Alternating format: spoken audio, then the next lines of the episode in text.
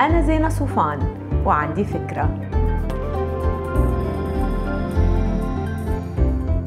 هاي منتبهين انتو للفرق بين انه نحس بالغضب وبين انه نترجم هالإحساس لتصرف غاضب وبينما الإحساس بالغضب ممكن حقيقة يأثر علينا داخليا لكن إظهار الغضب على الأرجح بيخرب مزاجنا ونهارنا ويمكن مزاج ونهار اللي حولنا تماما. فقبل ما نحكي عن مشاعر الغضب المعقدة خلونا نحكي عن شوية غضب بصيبوا ناس كتير وأنا منهم. إذا انعجقوا بالوقت مثلا يعني إذا في حدا لاحقني يلا يلا يلا. أو فايقة مأخرة على الشغل الضغط مباشرة بيولد عندي مشاعر غضب. الحل؟ ما بسهر خلال الأسبوع.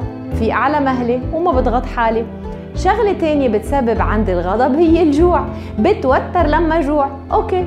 صار معي دايما شي بيتاكل ما بترك حالي ساعات وساعات بدون فيول فإذا بالأول شوفوا المنغصات الصغيرة وإخلصوا منها بحلول مستدامة.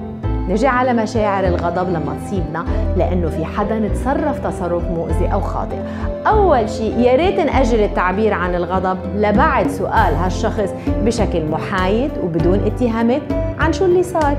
يا ما رح نتفاجئ بإجابة ما خطرت على بالنا. لو بنعطي الناس اللي بيقولوا عنه ال benefit of the doubt صدقوني حياتنا كانت تغيرت كتير. ولما يطلع معنا حق إنه نغضب ونغضب يا ريت ما نفيق تاني يوم غضبانين والله الحياة ما بتستاهل. يعني تقل كل يوم الصبح كتير. كل يوم هو بداية جديدة ما تبدوها بمشاعر سلبية. وآخر شي بدي أقوله هو إنه مرات اشتعالنا السريع هو مؤشر على عدم رضانا عن حالنا وعن حياتنا. تذكروا كيف لما تكونوا مستغرقين بعمل عم تعملوه بشغف كيف الأمور المستفزة وقع عليكم بيكون ضعيف. فتشوا عن هيدا الشغف بحياتكم وتمسكوا فيه. ما تنسوا تعملوا download للفكرة تعطوها rating وتساعدوني بنشرها Bye.